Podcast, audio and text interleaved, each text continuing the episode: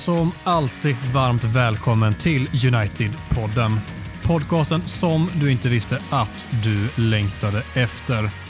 United-podden görs i ett stolt samarbete med både den officiella supporterklubben MUS och United-redaktionen på Svenska fans. Mitt namn är Adam och med mig denna vecka har jag både Marcus och Micke. Med anledning av den extremt bekymmersamma situationen som klubben befinner sig i just nu i fallet med Mason Greenwood kommer detta avsnitt bli lite annorlunda än eh, normalt sett. Men vi hoppas att ni har förståelse för detta. Inledningsvis, innan vi börjar samtala om situationen mer fritt, kommer jag att läsa upp en kortfattad tidslinje med vad som skett den senaste tiden fram till detta avsnitt spelas in, vilket är onsdag den 2 februari klockan 19.00. Söndag den 30 januari under morgonen publiceras bilder och ljudklipp på Greenwoods ex-flickväns Instagram stories. Det innehåller material som innebär att Greenwood anklagas för misshandel och våldtäkt. Manchester United kommer ganska kort därefter med ett uttalande där de säger att vi är medvetna om bilderna och anklagelserna som cirkulerar på sociala medier. Vi kommer inte göra några vidare uttalanden förrän fakta är framtaget. Manchester United tolererar inte våld av något slag. Även Manchesterpolisen kommenterar under förmiddagen saken. Vi är medvetna om bilder och videos som cirkulerar på sociala medier. Förhör pågår för att fastställa alla omständigheter. Under eftermiddagen samma dag kommer nästa uttalande från Manchester United där klubben bekräftar att spelaren inte kommer träna eller spela med klubben tills vidare.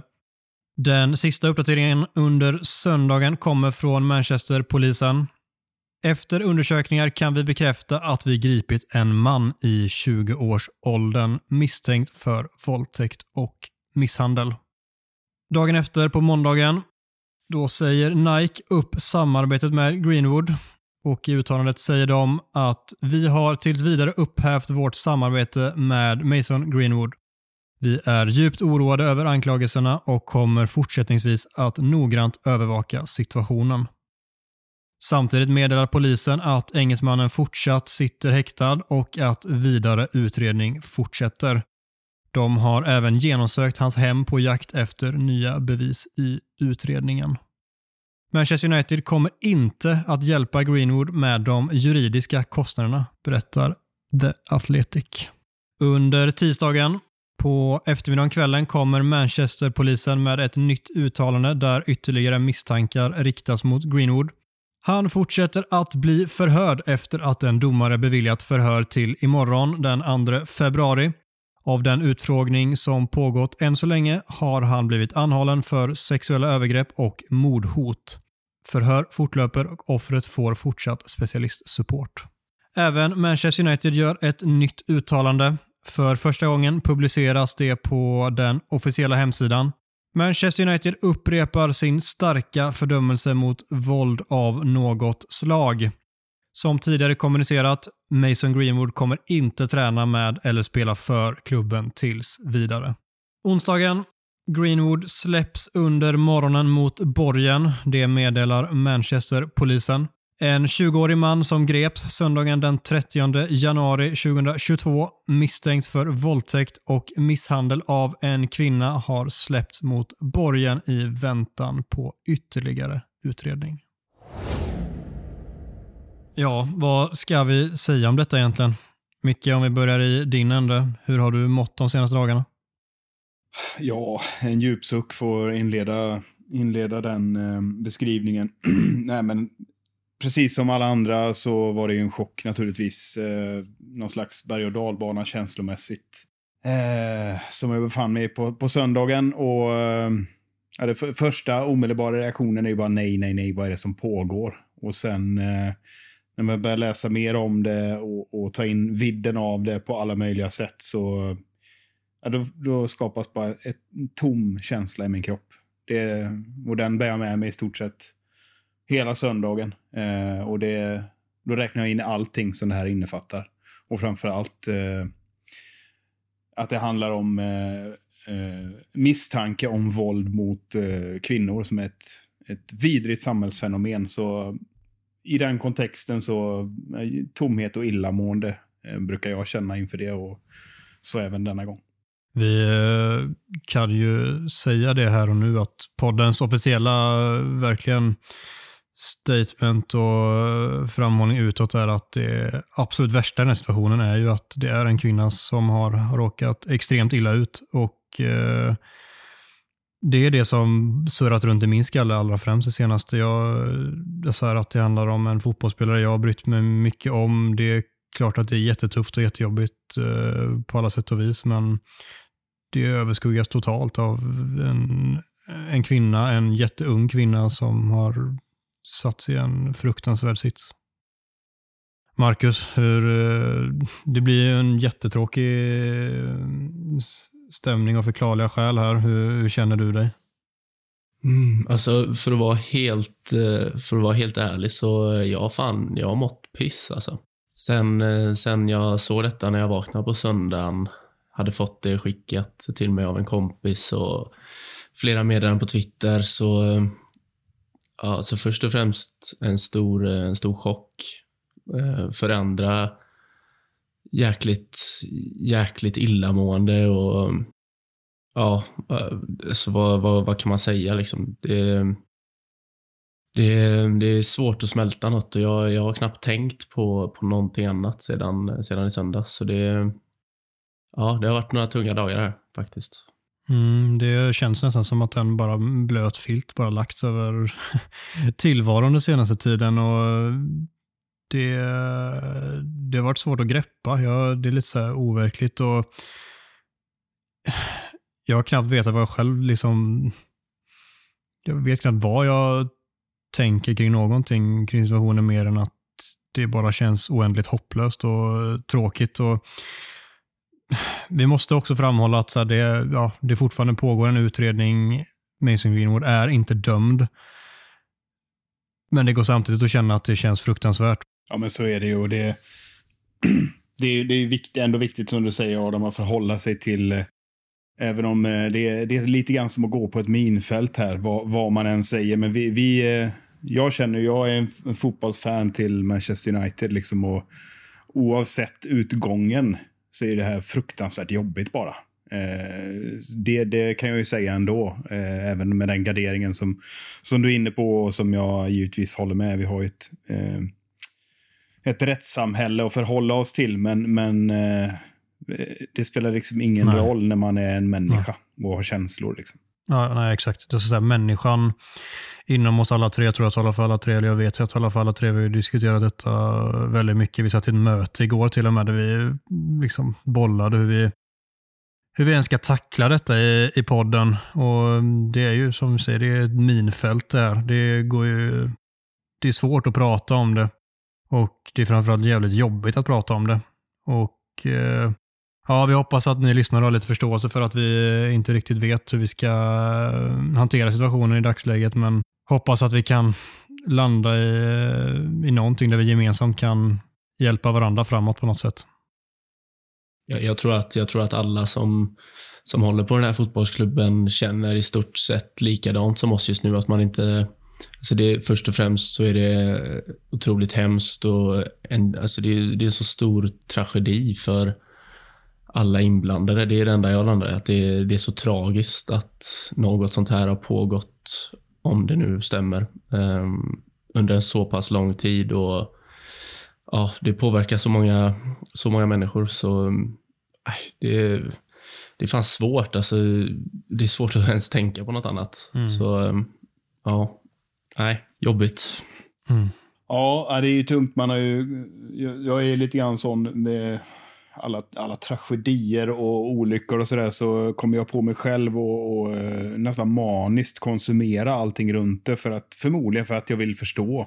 Det är nog, det är nog min, eh, mitt sätt att hantera vad ska man säga, trauman. Det är, det är svårt att hitta begreppen, ni får ursäkta om ni inte tycker det passar. Men, men eh, jag, jag, konsumerar allt och liksom läser alla vinklar för att liksom ta in och förstå och framförallt läsa andra människors reaktioner. Jag menar, vi pratade igår, som, som du sa Adam, vi hade ett möte inför den här podden. Nu pratar vi och det blir lite terape terapeutiskt på något sätt att, att ändå få vädra sina åsikter och ändå och lät ta in vad, vad andra tycker. Och jag tror att, eh, jag hoppas i alla fall att de som lyssnar nu eh, kanske inte får hjälp av oss, men, eh, men det är väl så vi ska se det egentligen. Att vi tillsammans försöker sätta ord på det som har eh, händer och sker. Liksom. Med det så väljer vi att eh, gå vidare från det här snacket. Vi får garanterat, tyvärr, anledning till att återkomma i frågan. Och för att avsluta så kommer jag att läsa upp en text av Micke Österdahl på MUS skrev här i veckan som vi alla tre, hela podden, tyckte var väldigt träffande och att den satte lite ord på det som man tänker, eller vi tänker och inte riktigt har, mm, har möjlighet att sätta ord på för tillfället. Den eh, lyder så här. Det var otvivelaktigt hemska bilder och ljudfiler som spreds igår. Jag tycker att det är på sin plats att vi, män framför allt, i första hand tänker på den drabbade kvinnan. Våld är alltid avskyvärt, allra helst när våld brukas mot den som befinner sig i en utsatt situation. Den första tanken borde aldrig vara att ifrågasätta den som rapporterar ett brott, framförallt inte i fall som dessa där det är oerhört svårt att bevisa brott. Sedan är det förstås myndigheterna som ska utdela rättsliga straff. Oavsett vad som sker framöver tycker jag att det skulle vara på sin plats för Manchester United att låta utomstående granska arbetskulturen i klubben. Det är inte nödvändigtvis så att klubben har agerat fel, men det är oavsett värt att utreda hur det står till. Det här är inte det enda fallet i närtid som ger anledning till oro. Med anledning av den här situationen som vi alla tre har känt påverkat oss rejält den senaste tiden så känner vi inte riktigt att vi har rätt energi eller att det är särskilt passande att bara köra vidare som vanligt härifrån. Det vi har tänkt göra nu är kort och gott att prata igenom lite svepande om det som har skett på spelarfronten den senaste tiden när transferfönstret stängde den sista januari. Vi snackade ju Uh, senast var, jag minns inte riktigt om det var klart, men det var ju så gott som klart. Anthony Martials utlåning till uh, Sevilla utan någon köpoption där. Och Det är samma i fallet med Donny van der Beeks utlåning. Det är ingen köpoption där. Det sägs av media, trovärdig media att det är för att klubben vill att eh, nästa tränare ska få fatta beslut om dessa spelare och att spelarna också är nöjda med att ha det på det viset. Om vi börjar i Martial änden. Marcus, du är ju ett eh, stort fan av honom. Att det blir Sevilla, att det blir på det sättet. Hur eh, går tankarna? Nej, men att, att inte vara mer än, mer än rätt. Ehm, sen eh, jag kommer följa honom slaviskt där. Kommer kolla mer Sevilla-matcher än vad jag någonsin har gjort tidigare. Och jag, jag tror att han kommer göra riktigt bra ifrån sig. Ehm, och ehm, ja, jag vill ju inte utesluta att han har en framtid i United, så det är klart jag både hoppas och tror på det. Mm. Ja, det blir spännande att följa alla de utlånade egentligen, men Martial är en av de som jag följer med främst intresse.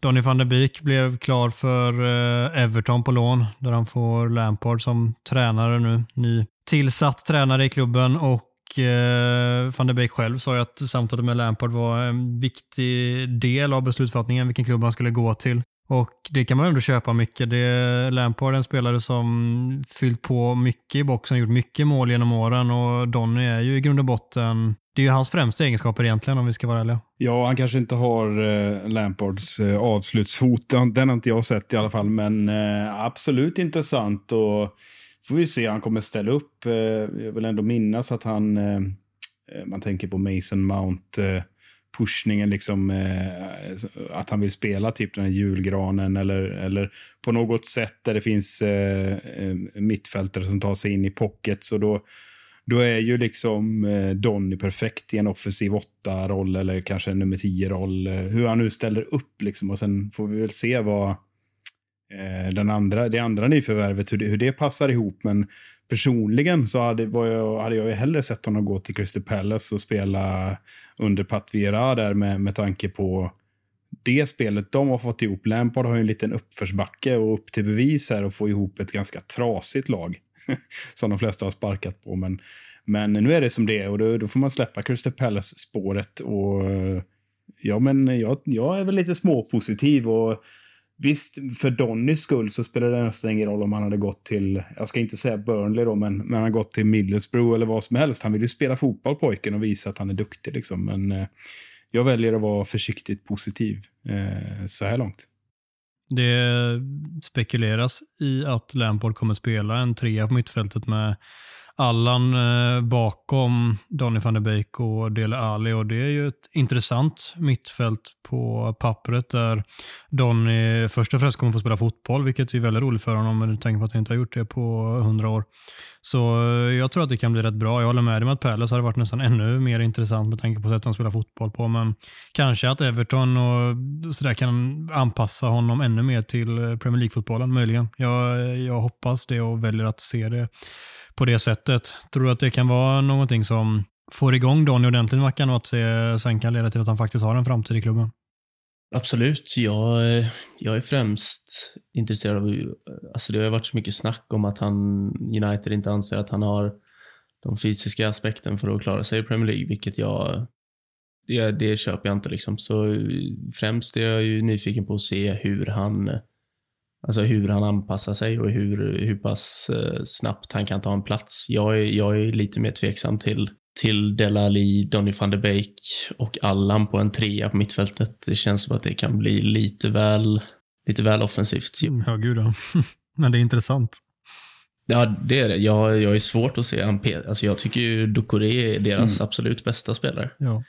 Så, så uh, han, uh, han hade ju varit given i min bok. Så det, jag, jag, jag, förstår inte att han gick till Everton och inte Palace. Palace är ett bättre lag och eh, spelar en fotboll som jag tror är bättre anpassad än vad Lampard kommer göra med Everton. Så nej, jag är, jag är, fan, jag är nästan negativ till den flytten faktiskt. Alltså, negativ till och med?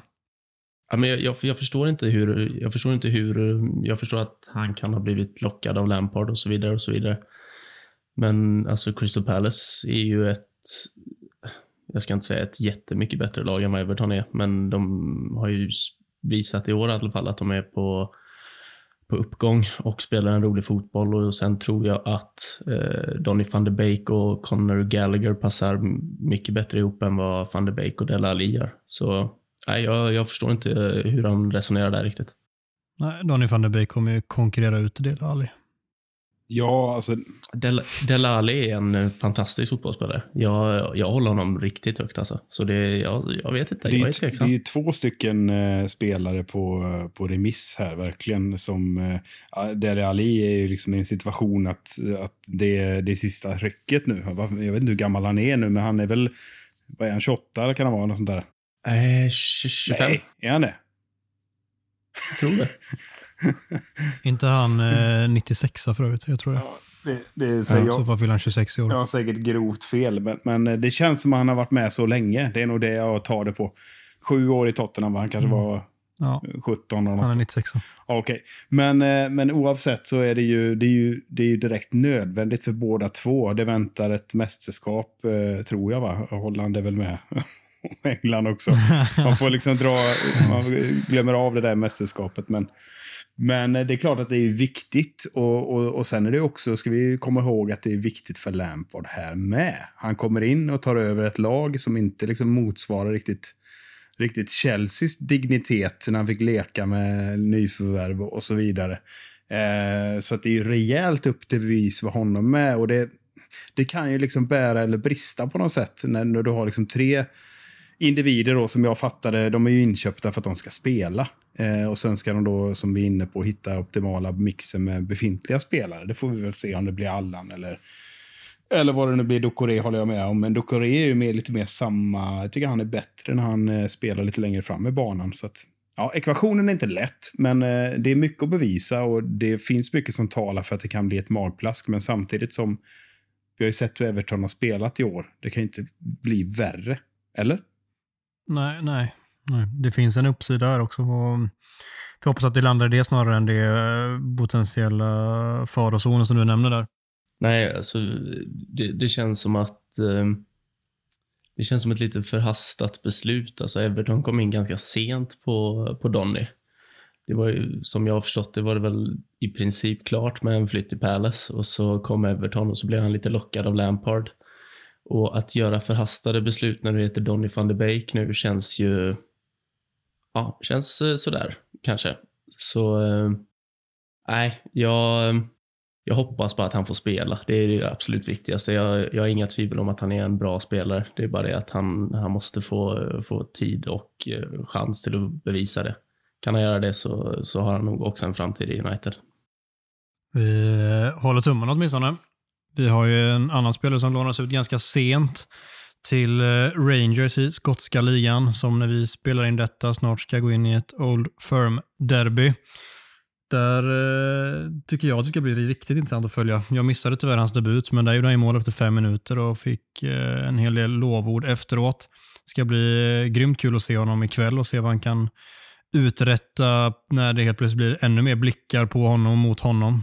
Vad, vad tror du Micke om att han fått eh, chansen att spela en hel del nu? Är det eh, ledande fråga, men det är väl klart att det är solklart att det är bra för honom. Ja, för, först ska jag börja med att säga att jag har sett eh, skotska ligan extremt lite, ja, egentligen sen, sen Rangers åkte ur sist. Det måste jag erkänna.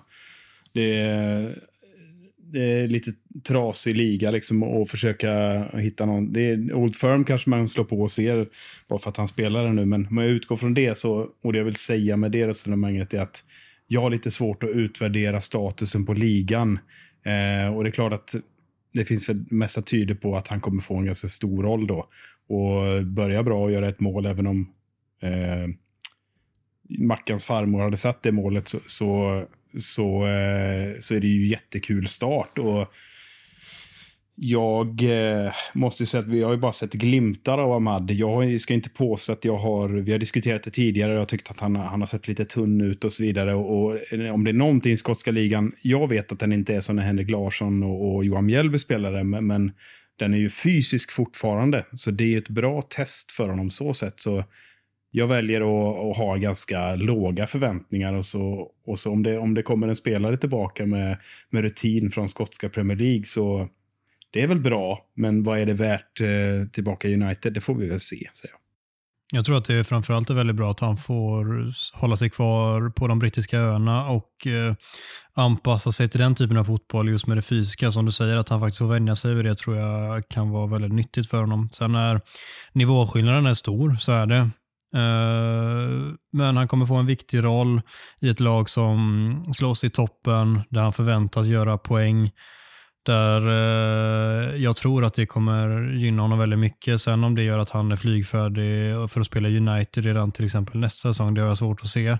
Men jag tror att det kommer göra väldigt gott för honom den här utlåningen och jag kommer följa det med spänning. Jag gillar honom väldigt mycket som spelartyp och eh, ska försöka se en hel del matcher med Rangers nu framöver när jag har tid till att göra det.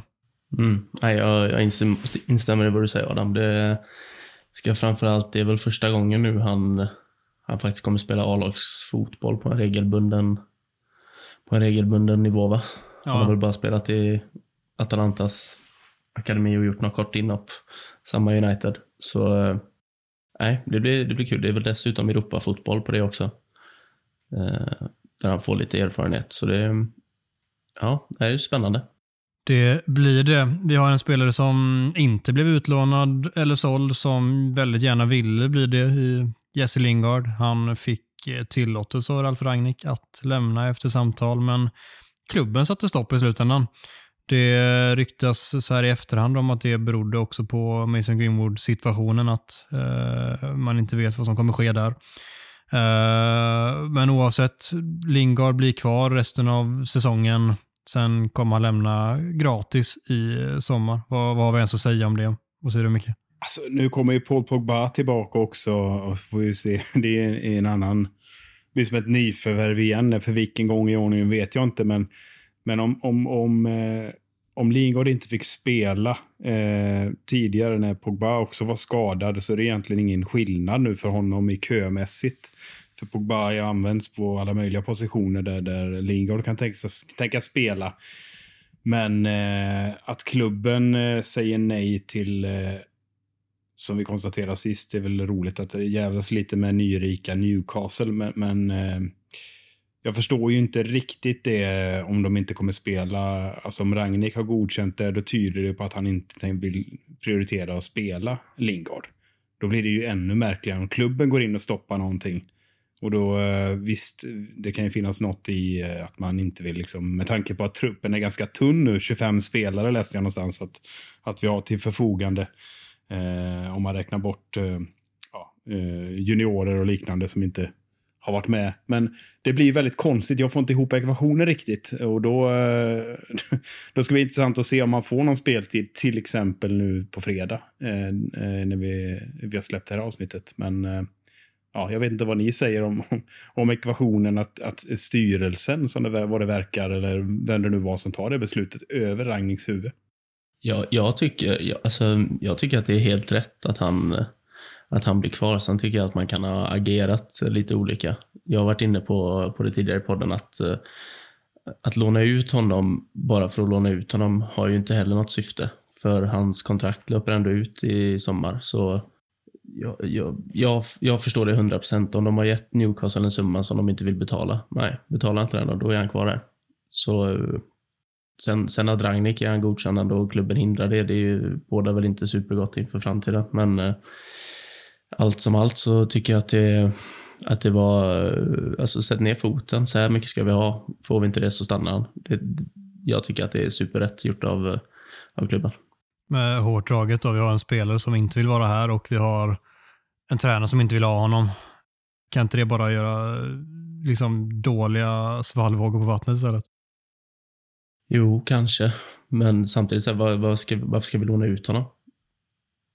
Det tjänar vi inte heller någonting på. För att slippa ha en missnöjd spelare i truppen, tänker jag. Och en, att det bara kan sprida eh, onödig energi till laget och truppen. Jag, sen hoppas jag för allt i världen att han sköter det professionellt och är, visar att han är den United-supporter som han faktiskt är i grund och botten och att han inte låter det gå ut över någonting. Men om eh, varken tränaren tänker använda honom och han själv inte vill vara där så tänker jag, ja, jag fattar att så här, rent krast se till att betala eller så får ni inte spelaren ni vill ha, absolut. Men i det här fallet är det Newcastle, det är ingen konkurrent eller någonting. Det är en spelare som vi ändå kommer bli av med. Ja, ja, då kan vi lika gärna spara in på lönen. Vi kan eh, använda de spelarna vi istället vill använda. Så att det blir liksom så här, istället nu så gör klubben så att man bara... Det blir, så, det blir inte trovärdigt när man har en tränare som man bara sätter sig rakt över och gör tvärt emot vad han, vad han tycker och tänker. Det, det känns som att man bara tar bort hans uh, auktoritet helt och hållet. Det är det jag reagerar på också. Förlåt Mackan, men jag bara kommer in och säger att det, har, det, det är ytterligare en dimension i det här och det är just det Ragnik. Att, eh, vad får den här konsultrollen egentligen för värde? Den kändes ju ganska urholkad direkt och nu är det lite svårt. Eh, för mig att överblicka vem, vem who is calling the shots, liksom med tanke på Woodward försvann här i skarven och det är en oerhört turbulent tid generellt. Eh, och då inte, mm, inte låta Ragnik ta ett beslut, ja, men det, det tycker jag känns märkligt på något sätt. Men sen är ju en annan, eh, innan, innan du kontrar på det gissar jag Mackan, så han är ju en skada bort från att vara ett eh, förstahandsalternativ. Liksom. Alltså till på, bänk, på blänkplats. Alltså att han, nu kanske han sitter ett par eh, pinnhål ner, men rätt vad det är så kommer han ju få speltid liksom, om det blir några skador och sådär. Ja, nej, nej, jag vill bara säga det att jag håller med i det första där. Det är, är ju genuint oroande att Ragnik säger en sak och klubben säger en helt annan. Eh, angående en spelare, så ska det ju absolut inte vara. Eh, men sen, jag, jag tror fasiken att mycket beror på på hela situationen kring Greenwood också. Eh, vad har vi nu? Nu har vi Sancho, Elanga, eh, Rashford som utpräglade yttrar och så har vi Lingard. Och det är fortfarande corona runt om i världen och det är skador som kan komma och det är tre olika turneringar vi ska spela i. Eh, en annan femma hade väl varit om Ahmad var kvar i klubben också. Då kanske han också hade fått lämna. Det behövs ändå det behövs alternativ på positionerna. Så det gör det. Om, om, om han skulle ha lämnat på deadline day, då tror jag att eh, Newcastle hade fått behöva möta de kraven som United satte. Mm, jo, så är det och Newcastle har ju pengarna, har vi ju märkt. Ja. Om inte annat. Ja, det mm, oavsett är det så att Lingard blir kvar i resten av säsongen och förhoppningsvis så kan han ändå göra det helt okej, okay, till och med bra kanske när han väl får chansen. Vi håller tummarna. Jag gillar Jesper Lindgård i grund och botten så han får jättegärna komma in och smälla in ett par bollar i krysset som han gjorde till exempel mot West Ham borta tidigare under säsongen. En spelare som kommer tillbaka i alla fall och förstärker oss trots att vi har gjort noll nyförvärv i alla fall men det kanske går att kännas lite som ett nyförvärv är ju Hannibal som har varit iväg på dubbla landslagsuppdrag och fått mängder med rutin och eh, lovordas väldigt mycket av eh, ja, men framförallt media som då eh, i sin tur har fått uppgifter från klubben att både Ralf Rangnick och eh, klubben i sig tror väldigt mycket på Hannibal och att han kan vara redo att ändå få lite speltid nu och beroende på hur han ser ut på träning och de chanserna han får. Men eh, vad tänker vi om Hannibal? Är det, är det en spelare som kan komma in och ändå få spela lite grann och göra någon typ av skillnad? Det tror jag, det tror jag absolut. Jag, tror, jag förutsätter nästan att han kommer eh, eh, var med A-truppen nu permanent här. Eh, Donny lånades ut, så vad har vi? Hur många mittfältare har vi? Vi har Matic, Fred och McTominay, Bruno, Pogba.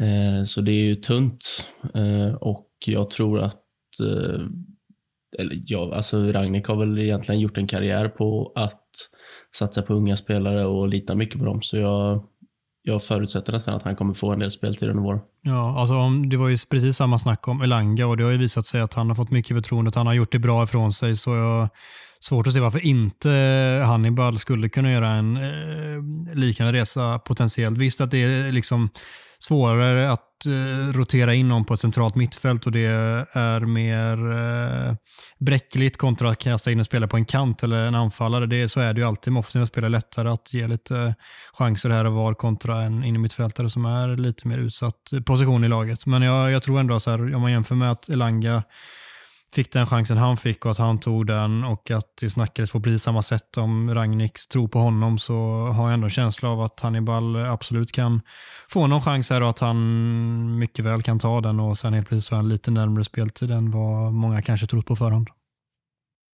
Ja, jag har inget att direkt fylla i. Jag har sett honom lite för lite och det måste jag erkänna. Men det är klart, eh, 11 landskamper för Tunisien.